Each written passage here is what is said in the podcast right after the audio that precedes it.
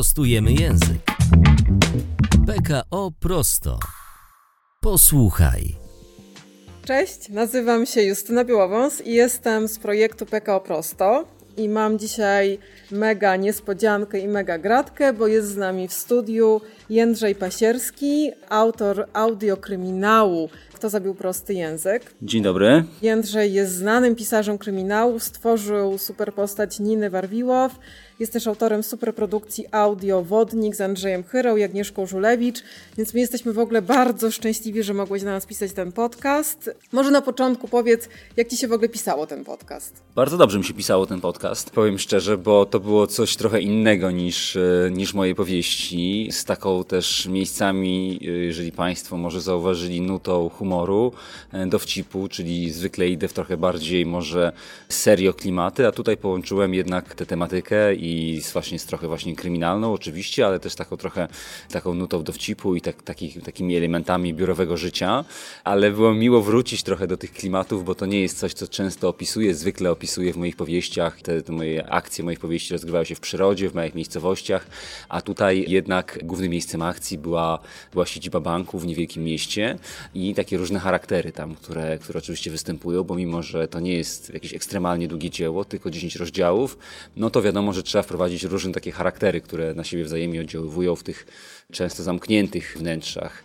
No była to dla mnie przygoda, bo zawsze pisanie jest dla mnie przygodą, lubię wchodzić w różne światy i pisałem to głównie w wakacje, głównie siedząc na zewnątrz, na tarasie. W przerwie kąpałem się w jeziorze, także no, była to dla mnie naprawdę duża przyjemność. A może w takim razie jeszcze powiesz, kto jest twoim ulubionym bohaterem? Może nie wiem, czy główny bohater, bo on jest takim jakby centrum akcji, ten Piotr Mechatrocki, szef oddziału. Może jego genialna sekretarka na przykład, albo może pewien młody człowiek z nadpobudliwością, Patryk. W nim jakoś się trochę odnajdywałem. Zawsze jest taka postać, e, w której się trochę odnajduję i, e, i może Patryk jest moją ulubioną postacią, kto wie. Ja muszę powiedzieć, że jako czytelniczka i słuchaczka, bo i czytałam to na papierze i słuchałam tego. Y, strasznie mnie bawiło, jak znęcałeś się nad Piotrem. Ten podcast jest bardzo popularny wśród naszych pracowników. Pracownicy mogą brać udział w konkursie i co tydzień pisać zakończenie do tych podcastów. I to, jaką inwencją się wykazali i jakie zakończenia wymyślali, y, no, były fenomenalne. Więc, więc gratuluję. Chciałabym się Ciebie zapytać, jak Ty się czujesz z prostym językiem? To jest takie dwoiste, bo z jednej strony jako pisarz e, musisz używać takiego bogatego, barwnego języka, ale z drugiej strony on musi być absolutnie przystępny dla czytelnika, tak? I to jest absolutnie kluczowe, dlatego powielokroć czytam mój e, tekst na głos potrafię 10 razy przeczytać cały tekst na głos, co przy książce y, no jest, jest gargantuiczną pracą, ale nie znam innego rozwiązania, żeby ten tekst był taki czytywalny po prostu i właśnie też taki w miarę prosty, czyli żeby te słowa od razu wpadały. Więc y, oczywiście w przypadku literatury to nie może być ekstremalnie proste, bo, bo tak jak powiedziałem, ten, ten świat musi być barwny, bogaty, a żeby świat był barwny, bogaty, to i, i, i język musi mieć y, swoje bogactwo, no ale zarazem, tak jak powiedziałem, musi być absolutnie przystępny dla czytelnika, więc e, wszelkie komplikowanie, e, używanie słów, których czytelnik nie zrozumie, jest strzałem w stopę, dlatego że e, nie chodzi o to, żeby czytelnik sprawdzał co chwila dane wyrażenie, tylko po prostu, żeby płynął wraz z akcją powieści, prawda? To jest, to jest ten cel, więc absolutnie przykładam tego dużą uwagę, a jestem jeszcze często później poprawiany na etapie redakcji, żeby jeszcze coś tam uprościć. No właśnie, jakie masz doświadczenie z redakcją? Jak tobie się pracuje? Redaktorką, redaktorem przy książkach? Różnie to bywa, mam i redaktorów, i redaktorki. Ja przyznam szczerze, że jestem autorem, e, może jak wielu, który lubi niewielką ingerencję, dlatego że, tak jak powiedziałem, zarówno w sferze fabuły, jak i języka te moje książki są dosyć mocno dopracowane i po prostu nie tak nawet, że zakładam, że ja jestem e, bezbłędny i na pewno mam rację, tylko wolę już iść w świat swoimi błędami, niż żeby ktoś narzucił mi jeszcze jakieś swoje pomysły.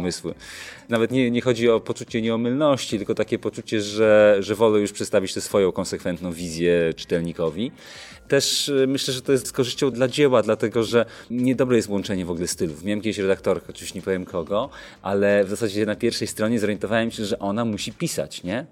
W takim sensie obiektywnym, że po prostu, że sposób w jaki ona e, zmieniała mi zdania świadczył, że ona ma jakiś swój styl po prostu pisarski i jak tylko to pomyślałem, to oczywiście wszedłem w internet, no i oczywiście miałem rację.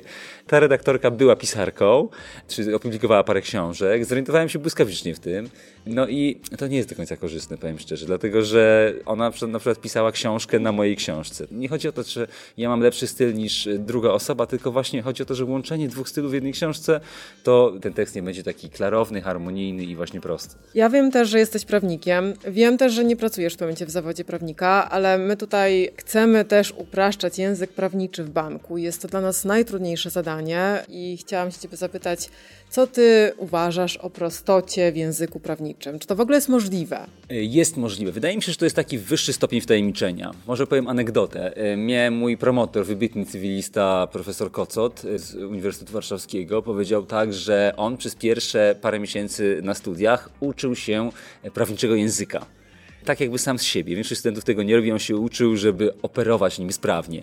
Ale w sposób, jaki on nam na przykład e, przekazywał wiedzę na seminarium, był bardzo przystępny. Czyli wydaje mi się, że jeżeli opanujesz ten język prawniczy tak naprawdę głęboko, wiadomo, my byliśmy na seminarium, ale nie o to chodziło, on po prostu bardzo przystępnie mówił, e, więc on po prostu miał na tyle opanowany ten język prawniczy, że potrafił jakby przetworzyć go na język mówiony przystępny.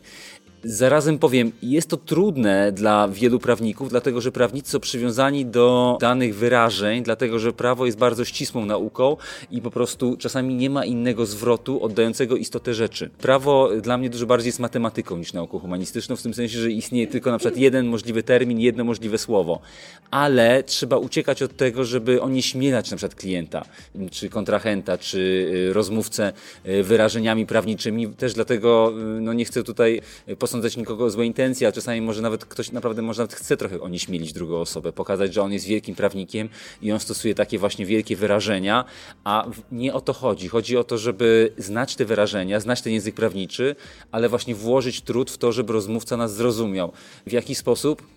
Tak jak powiedziałem, zobaczyć może człowieka naprzeciwko, tak? Że on po prostu nie rozumie tych, tych różnych wyrażeń, które są tylko należą do świata prawniczego i e, jeżeli jest możliwość uniknięcia, a czasami jednak język prawniczy daje możliwość uniknięcia tych ścisłych wyrażeń, to stosować te proste, proste zwroty, tak? Na przykład termin czy warunek, takie określone, takie właśnie typowe prawnicze, prawnicze terminy, że termin jest e, na przykład określony w dniach tych a tych i do tego terminu trzeba coś tam e, zrealizować. No to po prostu trzeba powiedzieć, że jesteś zobowiązany, żeby czy nie wiem, może powinieneś do tego czasu coś na przykład zrealizować, tak? Jakby unikać tych jakby rzeczy, które my rozumiemy termin i warunek mowy potocznej, ale prawnicy rozumieją to inaczej, nie? Więc y, unikać czegoś, co może wprowadzić rozmówcę w błąd. Mamy ten problem ze słowem posiadacz i posiadać. Oduczamy bank mówienia, że posiadam kredyt. Nie mówimy zawsze posiąść, to ty możesz żonę, męża, kochankę, a kredyt to ty masz. Natomiast jak wchodzimy w rozmowę z prawnikami, to się okazuje, że posiadacz, a właściciel to są zupełnie dwa inne terminy, nie? I musimy odpuścić tego posiadacza z prawnikami. Ale też faktycznie zgadzam się z tym, że ja jako pracownik banku który ma się komunikować z klientami, zależy mi na tym, żeby język prawniczy uprzyjemniać, żeby klient czuł się na równi. Natomiast ja prywatnie, gdy chcę wejść z kimś w konflikt prawny, idę do prawnika, to mi się podoba, że go straszę. W sensie, że straszę odbiorcę prawniczym językiem. To trochę tak, tak ze wszystkim jest. Jakby to jest tak samo, jeżeli jak piszę moją książkę i na przykład mam jakieś e, wrzutki historyczne, e, czy wrzutki prawnicze, których mam dużo, to polega to na tym, że najpierw muszę bardzo dobrze zgłębić daną dziedzinę. E, na przykład miałem w Kłamczuku mojej powieści ustawę rolną, zapomnianą dawno z lat 60., 70., która była kluczowa dla intrygi i zupełnie zapomniałem ją ze studiów, więc dwa dni poświęciłem na studiowanie tego, żeby zrozumieć istotę tej ustawy i co co ona oznaczała dla społeczeństwa, a później przetworzyłem to na język literacki. I wiadomo, że w języku literackim nie było już miejsca na te wszystkie rzeczy, które ja e, przeczytałem o tej ustawie, na te wszystkie dokładne urzędyzmy. Dosłownie musiałem w trzech, czterech zdaniach, bo tyle przyjmuje tak naprawdę język literacki, opisać to, żeby to było zrozumiałe. I to jest właśnie to. I, a zarazem musiałem oddać istotę rzeczy, nie? I właśnie kiedy redaktor pisał, to ja tak miałem taką obawę, czy ty to zrozumiałeś? On mówi, tak, tak, zrozumiałem, nie? To była dla mnie wielka ulga, że osoba, która właśnie nie była prawnikiem, przeczytała to za pierwszym razem, jak właśnie redaktor, i od razu, że tak powiem, skumał o co chodzi. Więc yy, wydaje mi się, że trochę też właśnie o to chodzi z, z, z tą mową prawniczą, żeby naprawdę to zgłębić, ale później ten komunikat przedstawić w kilku prostych słowach. Mnie to w ogóle fascynuje w pracy pisarza, że pisarz musi bardzo dużo poświęcić czasu na research, czytać mnóstwo książek, papierów i tak dalej, a potem to się sprowadza do dwóch zdań w książce, prawda? Tak, jest to czasami niewdzięczne, ale, y, ale zarazem mam poczucie, że to jest nagradzane. W jakiś sposób czytelnicy, a nawet, nie wiem, jury różnych konkursów, jeżeli książka jest akurat nominowana, do, czują, że ten trud jest takim ekstra trudem włożonym w książkę, tak? Że to nie jest tylko tak e, skorzystanie już z zasobów, które się ma, albo historii, które się ma, tylko że autor wyjdzie poza tę strefę komfortu i zgłębi temat, który jest nieznany i mam wrażenie, że to jest gdzieś tam e, doceniane, doceniane przez czytelników. I skoro jesteśmy przy researchach, to powiedz, jak to jest, jak ty się przygotowujesz do pisania książek, bo już słyszałam od ciebie, że często wpadasz w tarapaty tarapaty. Tak, ja ustawicznie wpadam w tarapaty, dlatego że nie jestem w tym klimacie Karola Maja, żeby siedzieć w jednym miejscu, na przykład w więzieniu w Niemczech i opisywać dziki zachód. Ja zawsze muszę wszystko e, sprawdzić na własnej skórze. No z takich ostatnich przygód to byłem w górach, gdzie piszę, napisałem już kolejną książkę, nie mogę powiedzieć jakich, ale to już niedługo będzie wiadomo, bo to w styczniu premiera. Była zima i chciałem wjechać na samą górę, porozmawiać z taką ekspertką od regionu. Umówiłem się z nią i miałem samochód na cztery koła, to nie mój, pożyczony, co mnie zwiodło, dlatego że jak tylko zjechałem z szosy, to były dość wysokie góry, to pojawiała się ścianka. No i zacząłem gnać pod górę, e, znaczy jechać pod górę. No i nagle wyjechał naprzeciwko mnie baca na traktorze. jak się zatrzymałem, to okazało się, że mój samochód zupełnie nie trzyma podłoża i zacząłem się po prostu zsuwać w błyskawicznym tempie, bo pod śniegiem był lód. Nikomu nie życzę takiego doświadczenia, jak człowiek się w dużym metalowym zsuwa bez żadnej kontroli. A pod tobą jest 100-200 metrów po prostu ścianki takiej. Teraz jak o tym mówię, to mam takie trochę dreszcze i e, udało mi się ten może po 10 metrach jakoś lekko skręcić, ręczny złapać, unieruchomić ten samochód. No i stanąłem po prostu tak na zasadzie na słowo honoru. Baca jeszcze się na mnie wkurzył, bo krzyczał do mnie, że jak to tak, trzeba spojrzeć z dołu, czy coś nie jedzie. Mówię do niego, żeby mi pomógł. On mówi, że pomoże mi, tam zjedzie na dół. On mnie minął sobie na traktorze śniegiem, polami. No i tyle go widziałem nie wiem, czy zapomniał o mnie, po prostu ja tam utknąłem na tej, na tej, na tej ściance, e, w zasadzie nie mogąc wrócić samochodu, próbując e, wydzwonić kogoś, kto by mi jakoś pomógł. Cały czas spadał śnieg, to był e, w ogóle dzień największej śnieżycy chyba. I cała ta moja historia, żeby skrócić, bo chciałem może przejść do kolejnej historii, może bardziej humorystycznej niż dramatycznej, trwała te trzy godziny. Ale dojechałeś do tej kobiety? Absolutnie nie dojechałem do tej kobiety, ja chciałem tylko i wyłącznie zjechać na dół. Śmiertelnie bałem się ruszyć ten samochód, namawiali mnie, żebym to zrobił okoliczni mówią tak, że ja mówię, że skasuję samochód i zabiję siebie, jak tylko ruszę ręczny. A oni mówią, nie, najwyżej pan skasuje samochód, nie? Przez moment miałem taką myśl, no ale jednak nie, no jak, no na logikę. Jestem człowiekiem, który używa w pracy intelektu. Intelekt wskazuje mi, że jak ruszę ten samochód, Sami mi powiedzieli, że go rozbiję, więc, więc o czym mowa? Więc powiedziałem, że ja czekam, aż ktoś podjedzie i posypie i tyle, i będę tu stał. I zgłosił się chłopak, powiedział, że on wsiądzie i wsiadł do samochodu, poleciał jeszcze szybciej niż ja i nie 10 metrów, tylko jakieś 100 metrów w dół jak torpeda. Ja po prostu myślałem, że już jest po chłopaku i po samochodzie. I wysiadł i mówi tak, samochód niewycuty, niewycuty. Ogólnie wszystko było dobrze, tylko że nie wyczuł samochodu, nie? Znaczy, bo jakoś tak totalnie mu się udało, ale już był też na miękkich nogach i po prostu powiedział, że już dalej nie jedzie. I nagle pojawiła się dwójka, moim zdaniem, dzieci w jakimś takim odśnieżaczu i sypnęli mnie. No i jakoś tam dotarłem do domu jadąc 20 na godzinę, bo to były śnieżyce. E, więc to była taka ostatnich takich przygód, gdzie sam się wpakowałem w kłopoty. A parę miesięcy wcześniej dosłownie byłem na Wyspie Wolin, gdzie z kolei e, akcja mojej książki e, Martwy Klif się rozgrywała. Pierwsze zwłoki były wykryte przy Wielkim Krzeku. To jest taka gigantyczna kępa traw e, na Zalewie Szczecińskim. No więc stwierdziłem, że muszę się tam dostać. Więc podjechałem na Karsibur i była przystań kajakowa. No to w takim razie muszę wnająć kajak. Co to tam półtorej godziny kajakiem jakoś tam, jakoś tam dam radę, nie? Facet na mnie spojrzał, jaki dla pana kajak? Jedynka? No ja mówię, tak już cały, cały dumny, no jedynka sportowa, mówię, no pewnie sportowa. Nigdy w życiu nie pływałem na jedynce, a już tym bardziej sportowej, ale jak facet mi tak ocenił, no to ja oczywiście byłem cały dumny i nie zamierzałem go wyprowadzać z błędu. No i jest taka specyfika Zalewu Szczecińskiego, że mimo, że to jest zbiornik słodkowodny, tam są wiatry morskie, bo to jest bardzo blisko morza. To ogromny zbiornik jest, więc y, no jak tylko wsiadłem do tej jedynki, to poczułem, że coś jest nie tak. ale dosłownie odpłynąłem 10, 20, 30 metrów, zawiał wiatr, zawiał jedynką sportową i cały, całym moim dobytkiem wpadłem do wody. Facet tak stał jakby na brzegu, tak naprawdę trochę się z tego spodziewał. No i tak stał, obserwował czy ja wrócę, no i tak mówi tak do mnie, to może, to może zwyczajny, nie sportowy. Mówię, dobra. I mówi, to może dwójka. Ja mówię, tak, to dwójka. Moje męskiego oczywiście spadło, no ale musiałem się tam dostać e, do tego wielkiego krzeku, więc, więc wziąłem tę dwójkę. Także, ale no, ja nie mam trochę, trochę czasu, żeby nabywać tych umiejętności, żeby na przykład, jeżeli chcę zwiedzić dane miejsce, a nie jestem specem od jeżdżenia po śniegu e, w górach, ani nie jestem specem od pływania kajakiem na dużych zbiornikach, ale nie mam czasu się nad tym roztkliwiać, dlatego że muszę e, zobaczyć dane miejsce. E, mam poczucie, że to wzbogaci moją książkę. To zawrócę teraz. W takim razie, jak pisałeś nasz podcast o prostym języku? Co ci pomogło? Trochę się wczułem w swoje przeszłe życie. Pracowałem w czterech miejscach, w tym nawet trzy miesiące w korporacji i w trzech takich, no dosyć, no nie jakichś dużych, ale z takim e, może też biurowym charakterem, więc trochę jakby przypomniałem sobie pewien, pewną może taki klimat bardziej biurowy, rozmowy i tak dalej, więc e, z tego trochę czerpałem. Wyobraziłem sobie to miasteczko, które wymyśliłem na, na bazie akurat miasta, które znam, więc w ten sposób. A zdradzisz jakie? Tak, y, w zasadzie myślałem o takim mieście Wschowa, które jest mało znane w sumie tutaj chyba, na ziemi lubuskiej. No ja tam akurat dużo ostatnio bywam, także tak sobie zwizualizowałem, pasowało mi to miasto Wschowa. No. Trochę obok jest w ogóle jezior, ale tak mi pasowało klimatem. E, ja w ogóle czuję się lepiej w mniejszych miejscowościach, a nie w metropoliach, stąd one często są w moich książkach. Droga ekstremu polegała to na tym, że zatrudniłbym się incognito w banku, żeby gdzieś tam, bo w banku nigdy nie pracowałem, no i e, to byłaby taka droga na fulla. No tej drogi nie obrałem, przyznam szczerze.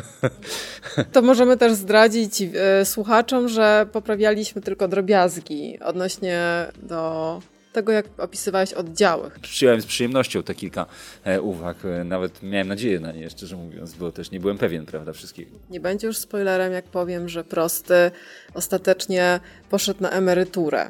E, nie zginął. Jak ty w ogóle myślisz? Czy to jest możliwe, że ten prosty poszedł faktycznie na emeryturę? Czy taki człowiek jak prosty może pójść na emeryturę? No, każdy kiedyś idzie na emeryturę. Ale czy prosty? Czy ten, ten akurat? Znaczy ja akurat jestem wielkim fanem emerytury. Ja znam szereg ludzi, którzy nie idą na emeryturę, a są już uprawnieni i zupełnie tego nie rozumiem. Ale y, czy taki człowiek jak prosty? No y, tutaj było pewne rozwiązanie akcji, oczywiście z elementem spisku, to też było takie założenie, a przy tym myślę, że taki człowiek jak prosty, który właśnie był takim, można powiedzieć, guru od kontaktów, kontaktu z klientem, który właśnie też miał taką miękkość, ma taką miękkość w tych relacjach, że nie tylko pewnego rodzaju relacje nawet potrafi nawiązać z klientem, prawda, że jest lubiany.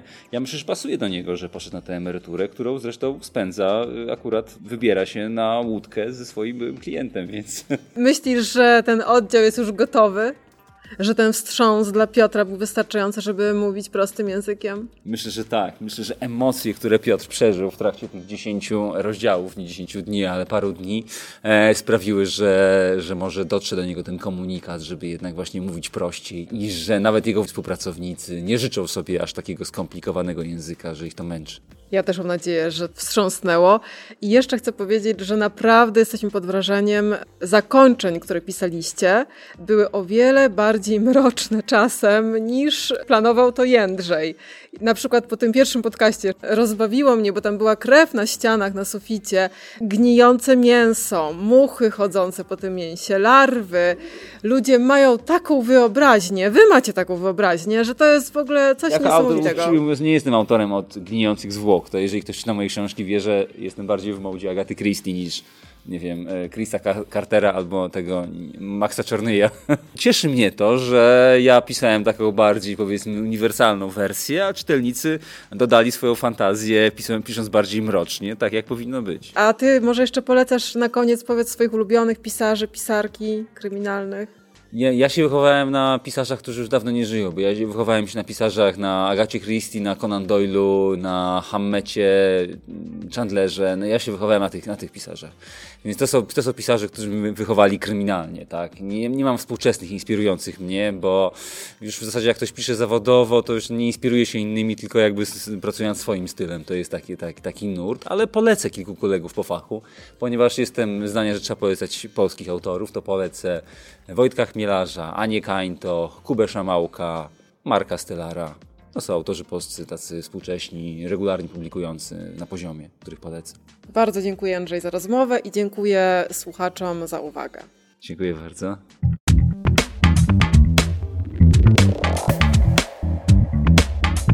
Prostujemy język. PKO prosto.